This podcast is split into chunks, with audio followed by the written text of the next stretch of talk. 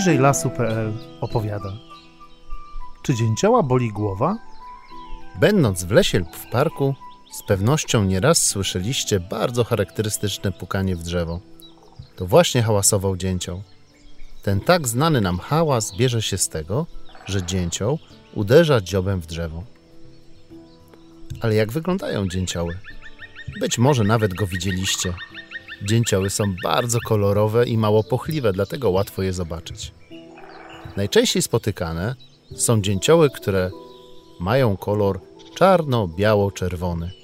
Ale nie wiem, czy wiesz, że w naszym kraju są również dzięcioły zielono-siwe, czarno-czerwone oraz zupełnie szare? Przypomnij sobie, czy uderzyłeś się kiedyś w kolano albo w głowę? I jak się czułeś?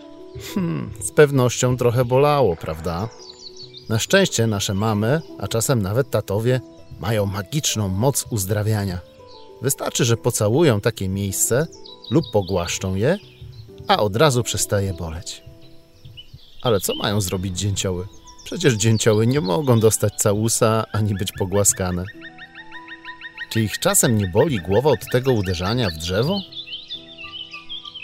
Otóż okazuje się, że dzięcioł to bardzo niesamowity ptak, którego ciało jest tak zbudowane, że wcale, a wcale nie boli go głowa przy uderzaniu w drzewo. Dzięcioł potrafi uderzać swoim dziobem nawet 20 razy na sekundę, kilka tysięcy razy dziennie, a uderza z taką prędkością, jak ty, jadąc na rowerze z górki najszybciej jak się da. Po co w ogóle dzięcioły stukają w drzewa? Dzięcioły są często nazywane doktorami drzew i nie bez powodu. Dzięcioły uwielbiają zjadać różne robaczki, gąsienice, mrówki, a zimą nawet nasionka. Bardzo dużo robaczków i gąsienic znajduje się pod korą drzew. Aby się do nich dostać, stukają w korę swoimi dziobami.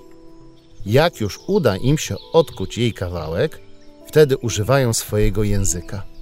Język dzięcioła jest bardzo niezwykły i bardzo długi. Ma on długość nawet 15 cm, czyli jest długości mniej więcej tabliczki czekolady. Język ten jest miejscami bardzo lepki i ma na sobie haczyki. Dzięki temu świetnie nadaje się do wyciągania larw spod kory i korytarzyków. Ale gdzie mieści się tak długi język w tak małym dzięciole? Czy wisi on sobie swobodnie z dzioba i plącze się w gałązkach? To wyda wam się bardzo dziwne, ale język dzięcioła jest owinięty wokół jego czaszki. Ale dlaczego dzięcioła nie boli głowa?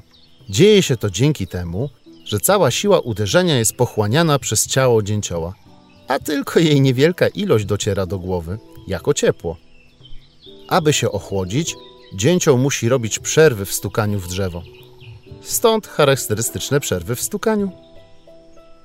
Jeśli chcecie samodzielnie zobaczyć, jak działa takie pochłanianie uderzenia, możecie zrobić prosty eksperyment w domu. Weźcie z łazienki gąbkę, tylko musi być gruba, przynajmniej na trzy paluszki, i połóżcie ją na swojej ręce.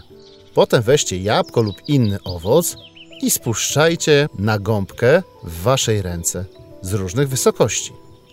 A potem zdejmijcie gąbkę z ręki i powtórzcie spuszczanie owoców. Jest różnica, prawda? Naukowcy pracują już nad samochodami, które będą lepiej nas chronić przed uderzeniami dzięki urządzeniom wzorowanym na dzięciołach. Kiedy następnym razem będziecie w parku lub lesie, Nasłuchujcie stukania dzięciołów.